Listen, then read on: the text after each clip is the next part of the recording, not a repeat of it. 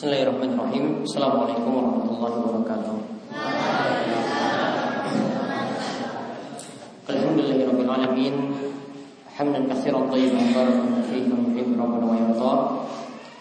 Wa asyhadu an la ilaha illallah wahdahu la syarika lah. Wa asyhadu anna Muhammadan abduhu wa rasuluh. Allahumma shalli ala nabiyyina wa sayyidina Muhammad wa ala alihi wa man tabi'ahum bi ihsan ila yaumiddin. Allahumma علمتنا وعلمنا ما ينفعنا وزدنا علما اللهم أصلح لنا ديننا الذي هو عصمة أمرنا وأصلح دنيانا التي فيها معاشنا وأصلح آخرتنا التي فيها معادنا واجعل الحياة زيادة لنا في كل خير واجعل الموت راحة لنا من كل شر Alhamdulillah para jamaah yang sekalian semoga salam dan rahmat Allah Subhanahu wa taala kita bersyukur kepada Allah atas nikmat yang telah Allah berikan kepada kita pada kesempatan hari ini tempat yang kita berada pada tanggal 1 Zulqa'dah 1436 Hijriah. Kita diberi kesehatan oleh Allah untuk duduk dalam majelis yang mulia pada kesempatan kali ini untuk menimba ilmu niatan yang sangat mulia niatan yang sangat baik. Dan kita melanjutkan pembahasan rutin kita seputar pembahasan masalah-masalah fikih yang kita ambil dari hadis-hadis Sahih Bukhari dan Muslim yang disusun oleh Syekh Abdul Ghani Al-Maqdisi dalam kitab Umdatul Ahkam. Kali ini kita membahas seputar solat. Pembahasan kita adalah tentang masalah menghadap kiblat. Pembahasan kita adalah tentang bahasan menghadap kiblat. Baik kita lihat hadis yang membicarakan tentang masalah kiblat nanti dibicarakan sekitar tiga hadis. Ya, kita ulas satu persatu hadis-hadis yang ada. Menghadap kiblat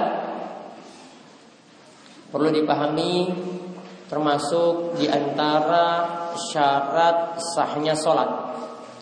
Artinya ketika seseorang itu ingin menjalankan sholat sebelum sholat dilaksanakan maka dia harus berada dalam posisi menghadap kiblat. Menghadap kiblat ini ada merupakan syarat dari sholat wajib. Sedangkan untuk sholat sunnah, pendapat yang tepat menghadap kiblat untuk sholat sunnah tidaklah wajib. Nanti kita akan lihat hadis-hadis yang membicarakan sholat di atas kendaraan yang ketika itu dijelaskan sholat yang ada tidak menghadap kiblat. Baik kita lihat hadis yang pertama yang dibahas yaitu hadis dari Ibnu Umar radhiyallahu anhu. Anna Rasulullah sallallahu alaihi wasallam kana yusabbihu ahla dhahri rahilatihi haitsu kana wajhuhu yumihu bi ra'sihi wa kana Ibnu Umar yaf'aluhu. Dari Ibnu Umar radhiyallahu anhu Rasulullah Shallallahu alaihi wasallam biasanya yusabbihu digunakan istilah tasbih. Nanti akan saya jelaskan apa di sini dimaksudkan dengan tasbih. Namun yang dimaksudkan sini adalah sholat. Melaksanakan sholat zahri rahilatihi ala zahri rahilatihi di atas kendaraannya Kendaraan yang ada dahulu bisa jadi unta, bisa jadi himar atau keledai. Hai sukana wajuhu dan arah kendaraan tadi ke mana arah kendaraan tersebut berada. Jadi kalau dia ke arah timur ya nanti sholatnya itu menghadap ke arah timur. Kalau ke arah utara ya nanti sholatnya menghadap ke arah itu. Kalau menghadap selatan ya nanti sholatnya juga menghadap itu. Tidak mesti di sini yang dimaksudkan menghadap ke arah barat atau arah kiblat. Wa kana haitsu kana wajuhu ke mana saja arahnya yumi'u bi ketika sholat Rasulullah SAW berisyarat dengan kepalanya. Wa kana Ibnu Umar yaf'aluhu dan Ibnu Umar radhiyallahu anhu itu melakukan yang sama seperti yang Rasulullah Shallallahu alaihi wasallam lakukan. Ya Ibnu Umar itu melakukan yang sama seperti yang Rasulullah Shallallahu Alaihi Wasallam lakukan. Dalam riwayat yang lain disebutkan karena yutiru ala ba'irihi yaitu Rasulullah SAW melaksanakan sholat witir di atas kendaraannya, yaitu di atas untanya ketika itu. Wali muslimin dalam riwayat muslim dikatakan annahu la yusalli alaihal maktubah. Yang dilakukan tadi itu bukanlah sholat wajib. Ya, yang dilakukan tadi di atas kendaraan ini bukanlah sholat wajib. Kemudian dalam riwayat Bukhari dikatakan illal faraid. Salat yang dilaksanakan itu adalah selain salat wajib. Maka faedah yang bisa kita ambil dari hadis dari Ibnu Umar tadi yang pertama.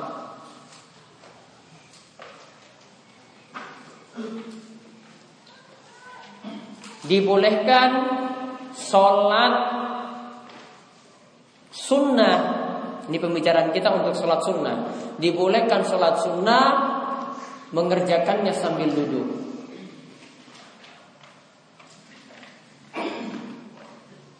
Dibolehkan sholat sunnah dalam keadaan duduk.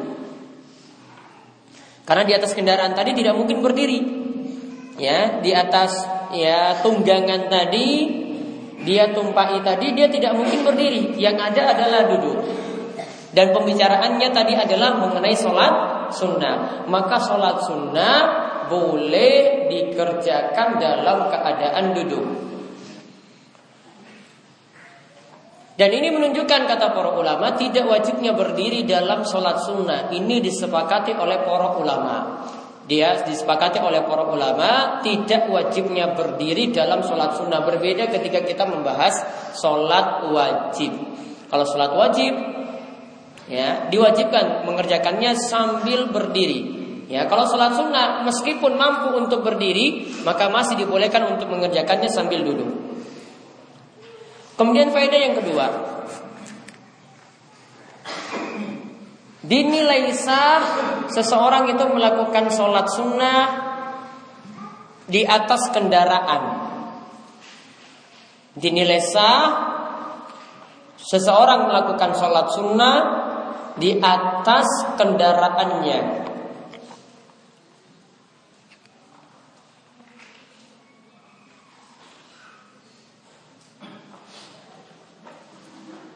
Menurut jumhur ulama, ini berlaku hanya untuk safar. Namun menurut Syekhul Islam Ibnu Taimiyah, ini terserah baik ketika mukim, misalnya kita di dalam kota atau pergi bersafar untuk sholat sunnah boleh dilakukan di atas kendaraan. Tidak ada kaitannya dengan safar di sini. Mau safar atau tidak, boleh lakukan sholat sunnah di atas kendaraan. Jadi misalnya ada yang punya kesibukan, tidak bisa dia kerjakan sholat sunnah turun dari kendaraan. Ya misalnya dia ingin ketika itu melaksanakan sholat tahajud atau sholat duha di atas kendaraannya di mobilnya, maka ketika itu boleh dia melakukannya. Kemudian faedah yang berikutnya lagi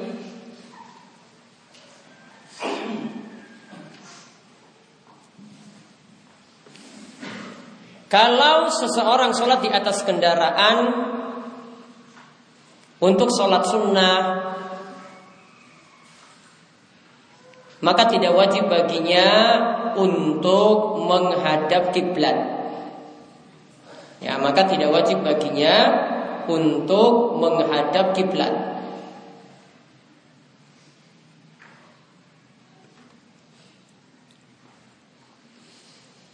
Jadi kalau kita di atas kendaraan melaksanakan sholat sunnah tadi, ketika kita ingin menghadap kiblat itu tidak wajib.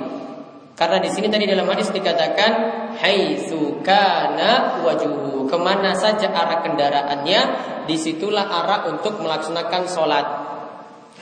Namun para ulama bersih pendapat dikatakan oleh Syekh Abdurrahman bin Nasir As-Sa'di Apakah ini sejak awal kita mesti cari arah kiblat dulu, baru setelah itu kalau arah kiblatnya itu berpaling dari arah kiblat, ya sudah kita ikuti arah tadi, ataukah sejak awal kita tidak menghadap kiblat?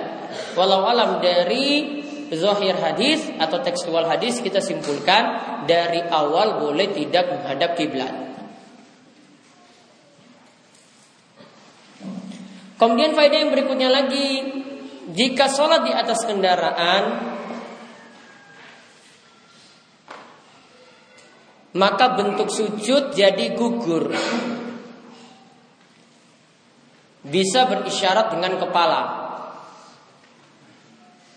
Dia sholat di atas kendaraan. Maka ketika itu dia tidak sujud di atas tujuh anggota tubuh. Karena ketika kita sujud, ya kita sujud di atas tujuh anggota tubuh. Yaitu apa saja? Tujuh anggota tubuh ketika sujud itu apa saja? Hmm? Dahi dan hidung satu. Terus dua telapak tangan dua dan tiga. Kemudian lutut empat dan lima. Lutut kanan, lutut kiri. Kemudian ujung kaki kanan dan kiri enam dan tujuh.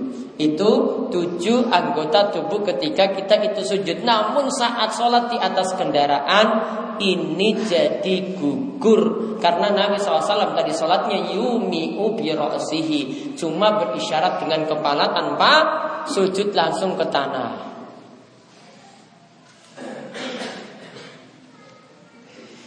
Dan ini juga berlaku untuk sholat orang yang sakit. Orang yang sakit ketika tidak mampu sujud dengan tujuh anggota tubuhnya tadi, maka dia melakukan sholat seperti saat dia sholat di atas kendaraan. Saat sholat di atas kendaraan tadi tidak sujud dengan tujuh anggota tubuhnya tadi, maka orang sakit juga kalau tidak mampu sujud seperti itu, maka lakukan hal yang sama. Kemudian faedah yang lainnya lagi, bagaimanakah di sini para sahabat benar-benar ikuti tuntunan Nabi. Ya, benar-benar para sahabat mengikuti tuntunan Nabi. Karena dikatakan dalam hadis wa kana Ibnu Umar yaf'aluhu dan Ibnu Umar melakukan seperti itu. Yaitu Ibnu Umar di sini mencontoh Nabi Shallallahu Alaihi Wasallam. Maka kalau kita ingin mencontoh Ibnu Umar, maka contohlah juga seperti itu. Yaitu kalau apa yang Nabi SAW lakukan maka kita ikuti, kalau tidak dilakukan oleh Nabi SAW tidak kita lakukan. Pernah ada kisah dari Sa'ad bin Abi Waqqas, dia pernah mendengar seseorang itu bertalbiyah. Ya, kalau orang itu berhaji nanti dia bertalbiyah labbaik Allahumma labbaik labbaik la syarika lak labbaik innal hamda wa ni'mata lak wal mulk la syarika lak. Kalimat ini ada yang ubah. Ya, didengar oleh Sa'ad bin Abi Waqqas. Ketika itu dia membaca labbaik ya zal ma'arij. Labbaik ya zal ma'arij. Artinya sama, ini untuk artinya sama seperti tadi ya Allah aku memenuhi panggilanmu. Namun di sini menggunakan zal ma'arij Allah yang memiliki mahal ma'arij.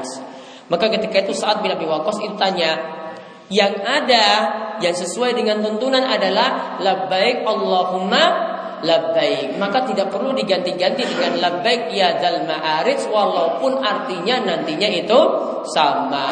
Karena yang lebih dipentingkan di sini adalah ikuti tuntunan Nabi SAW bukan mengkreasi membuat inovasi-inovasi baru dalam hal agama.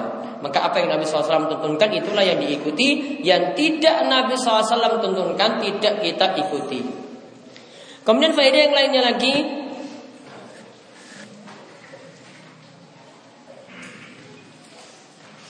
Apa yang dilakukan oleh Nabi Shallallahu Alaihi Wasallam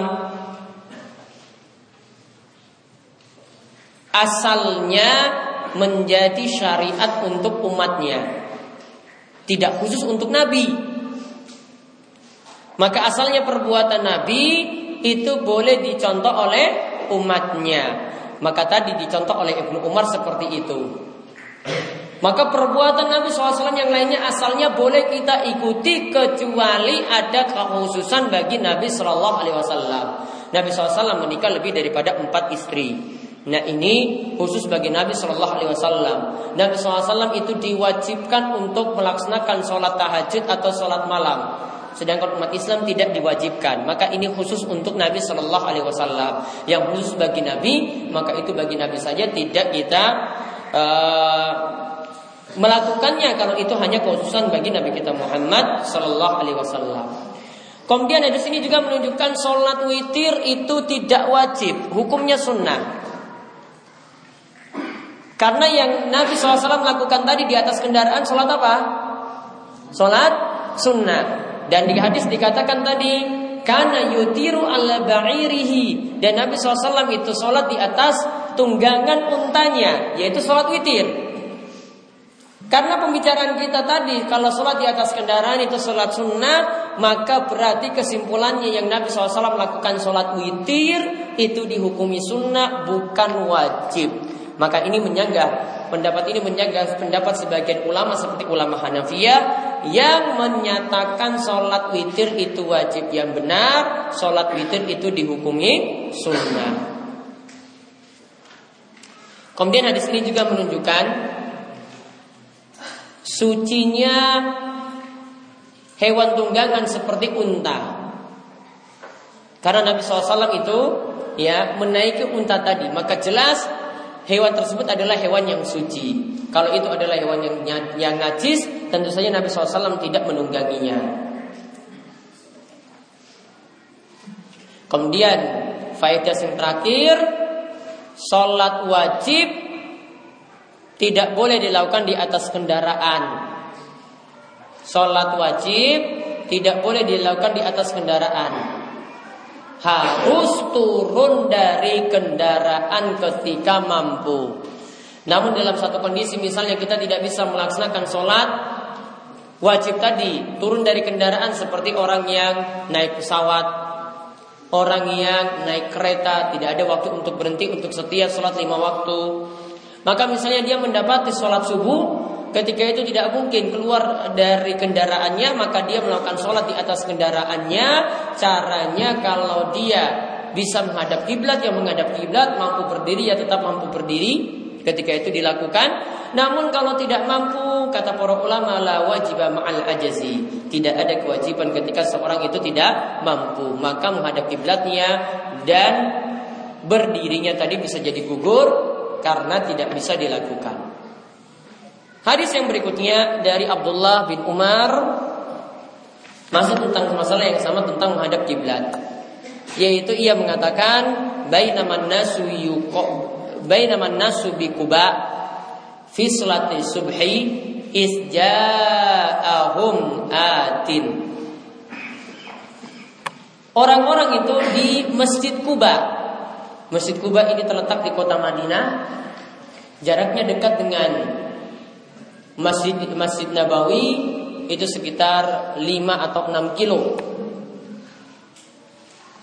Ketika itu orang-orang melaksanakan sholat subuh, lalu ada seseorang yang datang ketika itu mendatangi mereka. Fakal maka ketika itu ia mengatakan Inna Nabiya SAW Qad unzil alaihi layla Qur'anun Wa qad umira ayyastabila al-kiblah fastaqbiluha wa kanat wujuhum ila syam fastadaru ilal ka'bah.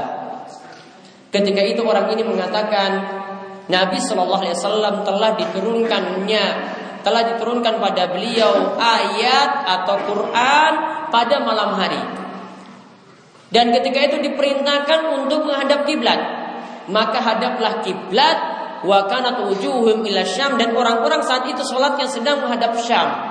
Syamnya itu sholatnya ke utara dan ketika itu kiblat itu menghadap ke selatan. Ini di kota Madinah. Kalau ke Syam itu menghadap utara, kalau ke Makkah itu nanti ke arah Ka'bah itu menghadap ke selatan. Maka ketika itu pastadaru ilal Ka'bah, mereka langsung memutar sholat mereka mereka ketika itu menghadap Ka'bah. Berarti dari menghadap Syam itu diputar menghadap Ka'bah. Berarti dari arah utara diputar menghadap arah selatan. Maka faedah yang bisa kita ambil dari hadis ini wajibnya menghadap kiblat. Ya, hadis ini menunjukkan wajibnya menghadap kiblat.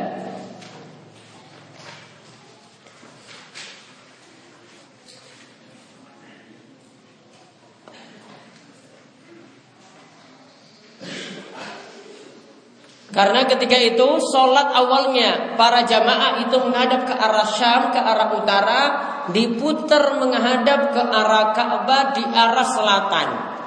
Maka ini menunjukkan karena diperintahkan muter seperti itu padahal lagi sedang sholat, maka menunjukkan bahwasanya menghadap kiblat itu wajib. Karena kalau tidak wajib, mereka tetap terus saja melaksanakan sholat sampai selesai baru nanti diberitahu. Namun ini di tengah-tengah sholat diberitahu bahwasanya sudah telah turun ayat memerintahkan mereka untuk menghadap Ka'bah. Kemudian di sini juga menunjukkan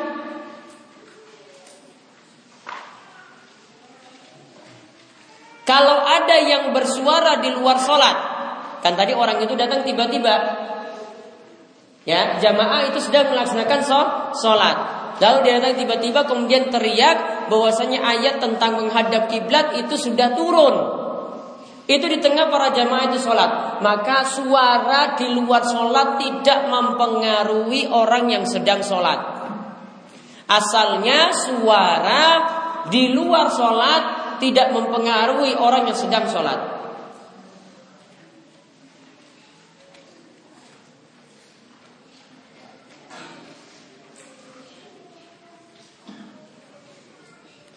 Kemudian faedah yang lainnya lagi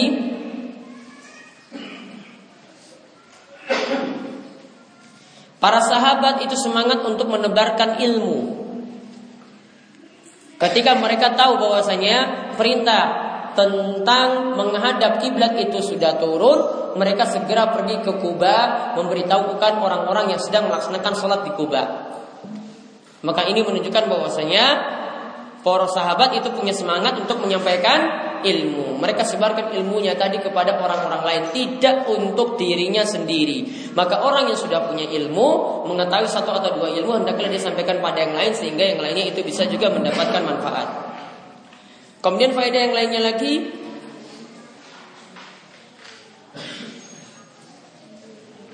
ini yang disampaikan oleh Syekh As-Sa'di.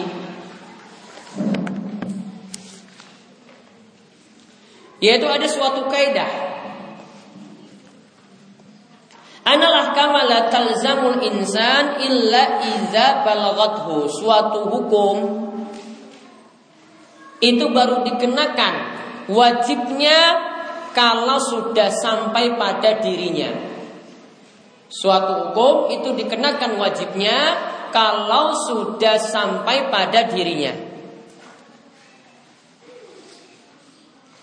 Coba lihat orang-orang tadi itu di tengah-tengah sholat. Dan ada sholat-sholat sebelumnya yang mereka itu sholat menghadap Syam. Baru hukum itu datang di tengah-tengah sholat mereka ketika mereka melaksanakan sholat subuh dan saat itu diperintah muter untuk menghadap Ka'bah. Maka sholat yang sebelumnya, rokat yang mereka lakukan sebelumnya itu tetap dianggap sah.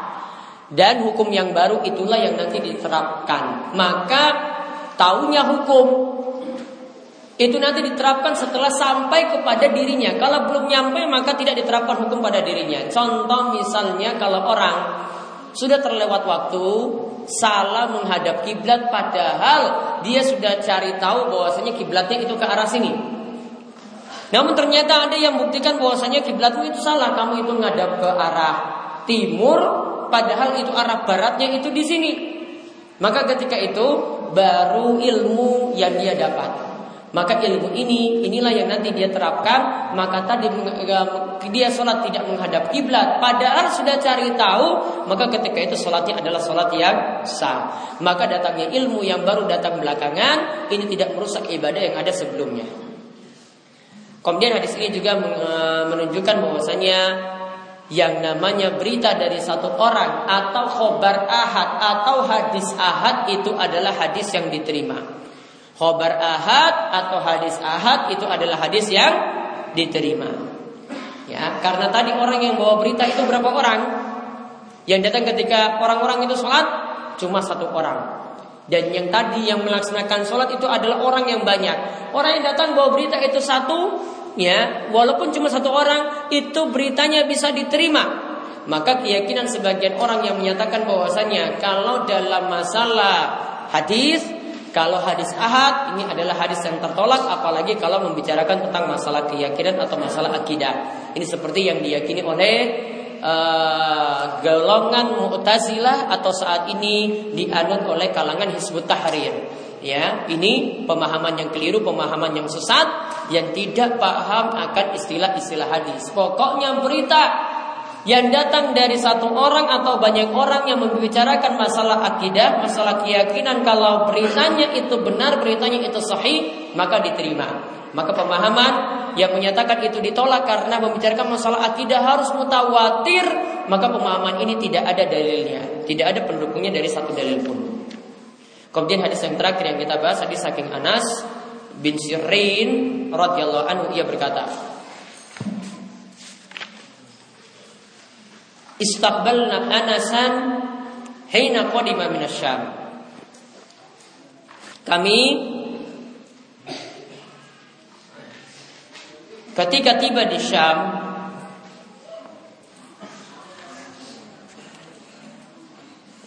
itu menghadap ke arah kiblat. Falakinahu bi ainit tamar maka kami itu menemuinya itu berada di tempat yang namanya Ainut Tamri. Ainut Tamri itu nama tempat. Kemudian Anas bin Sirin itu mengatakan ketika tadi mereka ketemu dengan Anas, ya, ini mereka ketemu dengan Anas, yaitu sahabat Anas bin Malik. Ketika kami bertemu dengan Anas, yusalli ala himar. Aku melihat Anas itu sholat di atas hewan tunggangan keledai wa wajhu min dzal janib yakni an yasaril Ka'bah. Dan arah solatnya Anas itu menghadap ke arah yang bukan ke arah Ka'bah. Dia menghadap ke arah kirinya Ka'bah. Jadi di sini kirinya Ka'bah ini kirinya Ka'bah ini dia menghadap ke arah kiri. Ya berarti kalau kita ini ke arah mana di sini? Hah? ke arah selatan. Dia solatnya itu menghadap ke arah selatan kalau menurut kita maka ketika itu Fakultu aku mengatakan Anas bin Sirin itu mengatakan Ra'aituka tusalli li ghairil kiblat Wahai Anas Aku itu lihat engkau Sholat bukan mengarah ke arah kiblat Maka ketika itu Anas menjawab Laula anni ra'aitu Rasulullah SAW yaf'aluhu lam af'aluhu Seandainya aku tidak melihat Rasulullah SAW itu melakukan seperti itu, tentu aku tidak melakukan seperti itu. Berarti apa yang dilakukan oleh Anas tadi yang sholatnya tidak menghadap kiblat untuk sholat sunnah. Ya, ini untuk sholat sunnah maka menunjukkan bahwasanya itu ada tuntunannya dari Nabi Shallallahu Alaihi Wasallam. Maka faedah yang bisa kita ambil menghadap kiblat untuk sholat sunnah tidaklah wajib. Menghadap kiblat untuk sholat sunnah tidaklah wajib.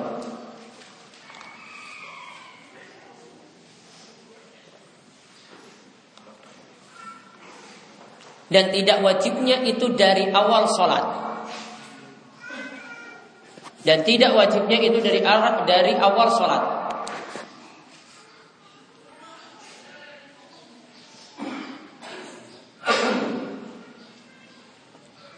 Kemudian faedah yang kedua, semangatnya para sahabat Nabi untuk mencontoh Nabi Shallallahu Alaihi Wasallam. Semangatnya para sahabat Nabi untuk mencontoh Nabi Shallallahu Alaihi Wasallam. Karena Anas tahu Nabi melakukan ini, maka dia melakukan seperti itu pula. Maka kita juga demikian, kita lakukan suatu ibadah seperti ini, maka kita harus tahu Nabi SAW atau para sahabat itu melakukannya ataukah tidak. Kalau kita itu melakukan suatu ibadah yang mereka tidak lakukan berarti ibadah kita yang masalah. Karena yang pembuat syariat itu bukan kita. Asalnya syariat Islam itu diterangkan dari Nabi SAW bukan kita buat-buat sendiri. Kemudian yang terakhir keledai ini termasuk hewan yang suci. Karena dibolehkan sholat di atas keledai tadi. Ya keledai ini adalah ya binatang yang suci karena boleh sholat ya untuk sholat sunnah tadi dicontohkan di sini boleh sholat di atas kendaraan yaitu kendaraannya di sini keledai. Kemudian faedah yang terakhir lagi satu lagi Anas bin Sirin dengan Anas bin Malik ini orang yang berbeda kedudukannya. Anas bin Malik ini adalah sahabat yang mulia yang jadi pembantu Nabi Shallallahu Alaihi Wasallam, sahabat yang mulia. Namun dari Anas bin Sirin, Anas bin Sirin ini tegur, tegur Anas bin Malik. Kalau Anas bin Malik itu salah maka tetap dia menegurnya. Maka dia katakan kepada Nabi SAW, eh, kepada Anas bin Malik, aku lihat engkau itu tidak menghadap kiblat. Ya kalau ada satu salah maka ditegur. Maka orang yang punya kedudukan yang tinggi, orang yang lebih berilmu bisa saja jadi jatuh dalam kesalahan. Makanya ketika itu perlu diluruskan. Ada yang keliru dari orang yang berilmu tadi perlu diluruskan, namun tentu saja dengan cara yang santun, dengan cara yang benar.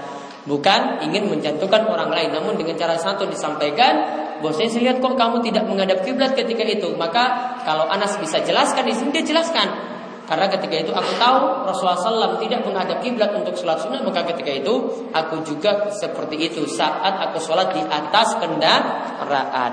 Wallahu alam biswab ini yang bisa kami sampaikan pada kesempatan kali ini. Mudah-mudahan bermanfaat. Selanjutnya silakan di antara para jamaah yang ingin bertanya. Ada waktu 10 menit Untuk kita bertanya jawab.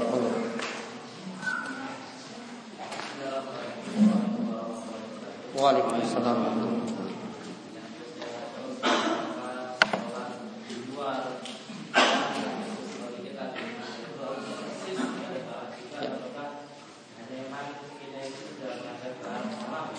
Baik. Ya, ini satu pembahasan yang terluput tadi karena tidak dibahas di dalam Umdatul Ahkam. Jadi tentang menghadap kiblat. Intinya saya simpulkan pendapat yang lebih kuat dalam masalah ini. Menghadap kiblat itu ada dua keadaan. Menghadap kiblat itu ada dua keadaan. Keadaan pertama, ketika melihat Ka'bah secara langsung. Ketika melihat Ka'bah secara langsung Artinya kita yang sholat di sekitar Masjidil Haram Saat itu kita melihat Ka'bah secara langsung Maka wajib untuk menghadapkan arah kita itu ke arah Ka'bah. Melenceng sedikit tidak pas dengan arah Ka'bah. Keluar dari arah Ka'bah maka sholatnya tidak sah. Maka ini keadaan yang pertama. Kemudian keadaan yang kedua untuk orang-orang yang tidak melihat Ka'bah secara langsung. Menurut pendapat yang paling tepat dari pendapat para ulama, kalau tidak melihat Ka'bah secara langsung cukup menghadap arahnya saja. Yang dimaksudkan arah ini bagaimana? Dalam Islam sebenarnya arah itu lebih sederhana dibagi menjadi empat dan ini adalah tujuannya untuk memudahkan arah utara, selatan, barat, dan timur. Maka kalau orang itu masih menghadap ke arah antara utara dan selatan ya dan dia dapat arah barat menurut kita di sini maka kalau kita yang keadaannya di negeri di negeri negara kita seperti ini maka tetap dikatakan menghadap kiblatnya sudah sah Walaupun ketika itu agak melenceng sedikit ke utaranya, utaranya tidak pas dengan arah Ka'bah atau sedikit ke arah selatannya ya. Walaupun ketika itu tidak persis ke arah Ka'bah, tetap dinyatakan sah. Kalau kita bahas kesahan, maka sebenarnya itu tetap dikatakan sah. Kalau ada yang ingin merubah arahnya persis menghadap arah Ka'bah pun boleh. Namun kalau dia tetap ingin menghadap seperti yang kami sebutkan tadi, sholatnya juga dikatakan sah. Jadi misalnya ada beberapa cara di tempat kita untuk bisa mengukur arah kiblat secara langsung. Maka silakan kalau ingin diikuti masjid-masjid yang ada ingin diikuti ya silakan. Namun kalau misalnya itu sangat mengganggu soft-soft yang ada, dan keadaan masjid kita awalnya sudah dibangun seperti itu dan malah mengurangi soft misalnya, maka saran saya tetap dengan arah seperti apa adanya saja yang kita katakan ke arah barat, maka itu sudah dikatakan sah. Kalau alam ini pendapat yang paling tepat yang bisa kami simpulkan.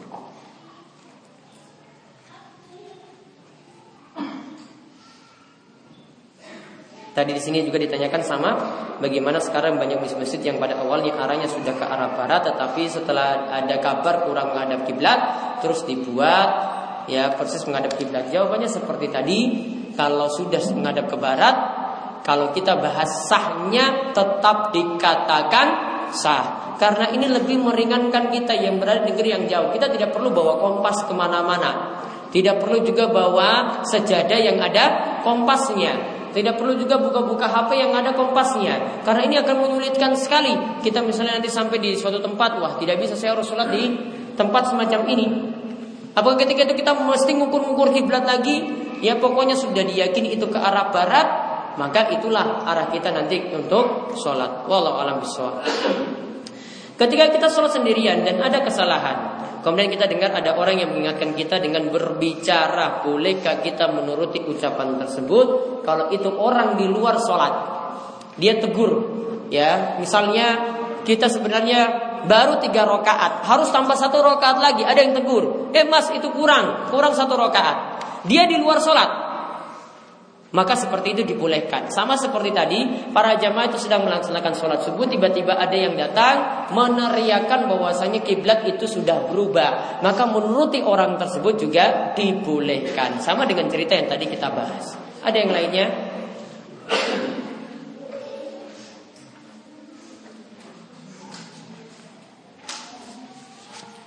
Ada yang tanya lagi?